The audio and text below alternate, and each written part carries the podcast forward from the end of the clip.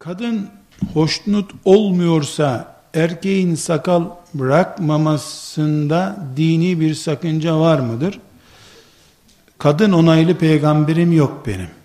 Erkek onaylı da değil. Peygamberim emredecek, hanıma soracağım, kızıma soracağım. Bu muharref Hristiyanlıkta olur herhalde. İslam'da olmaz böyle bir şey.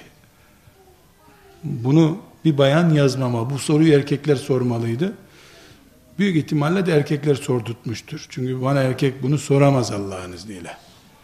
Yani erkekliğinde bir prestiji var. Bunu sordurtmam zannediyorum ama bayan da bunu sormamalıydı. Kıyamet günü Resulullah'ın rakibi olarak dirilmesin hiçbir bayan. Tavsiye etmem.